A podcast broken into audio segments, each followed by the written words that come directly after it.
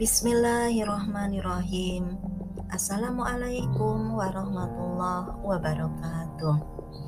Kembali di podcast Pendidikan Agama Islam.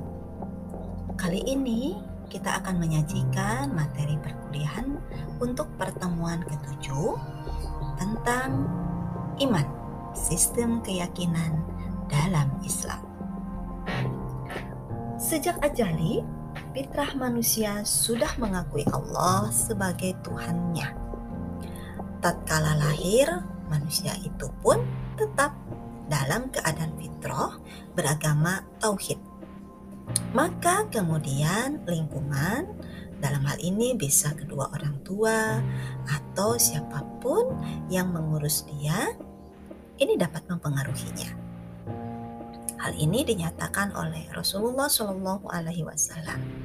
Ulu mauludin yuladu alal fitrah. Fa'abawahu an yuhawidanihi au yunasironihi au yumajisanihi.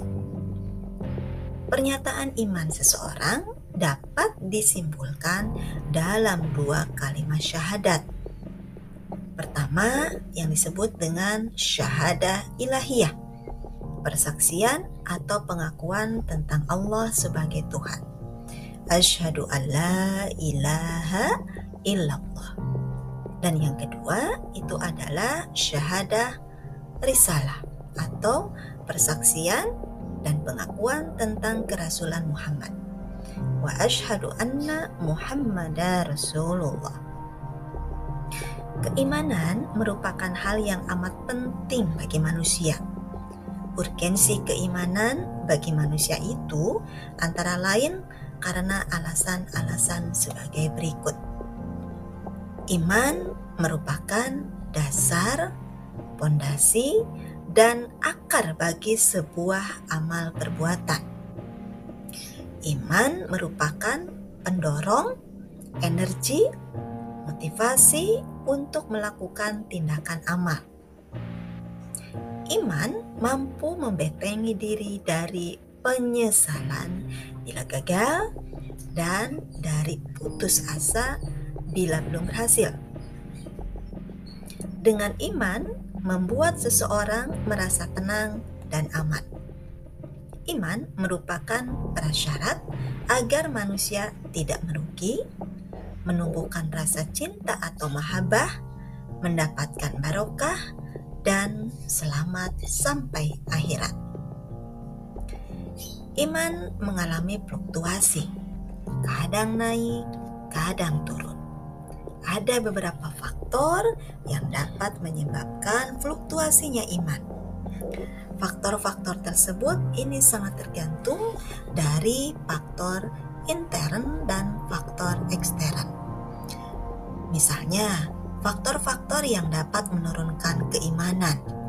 Secara eksternal atau in, secara eksternal atau uh, ekstern ini dipengaruhi oleh pengaruh setan. Kemudian pengaruh dunia dan fitnahnya dan pengaruh pengikut kejelekan.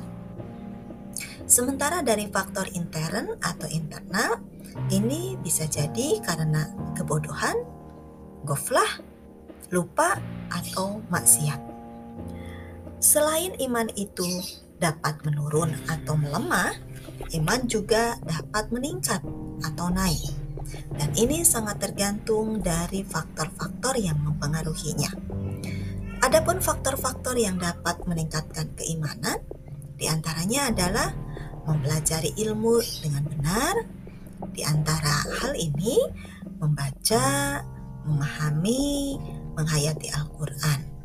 Lalu makrifat dengan nama dan sifat Allah, kemudian memperhatikan sejarah Nabi, selanjutnya memperhatikan kebaikan Islam, dan menelaah sejarah umat Islam. Faktor yang lain yang dapat meningkatkan keimanan adalah memperhatikan ayat-ayat kauniyah. Kemudian taat beribadah kepada Allah Subhanahu wa taala. Selain iman itu fluktuatif, kadang naik, kadang turun, ada juga amalan atau perbuatan-perbuatan yang dapat membatalkan iman. Para ulama mengelompokkan pembatal-pembatal keimanan itu ke dalam empat kelompok, yaitu syirik, kufur, nifak, dan ridah. Demikian iman, sistem keyakinan dalam Islam. Terima kasih. Assalamualaikum warahmatullahi wabarakatuh.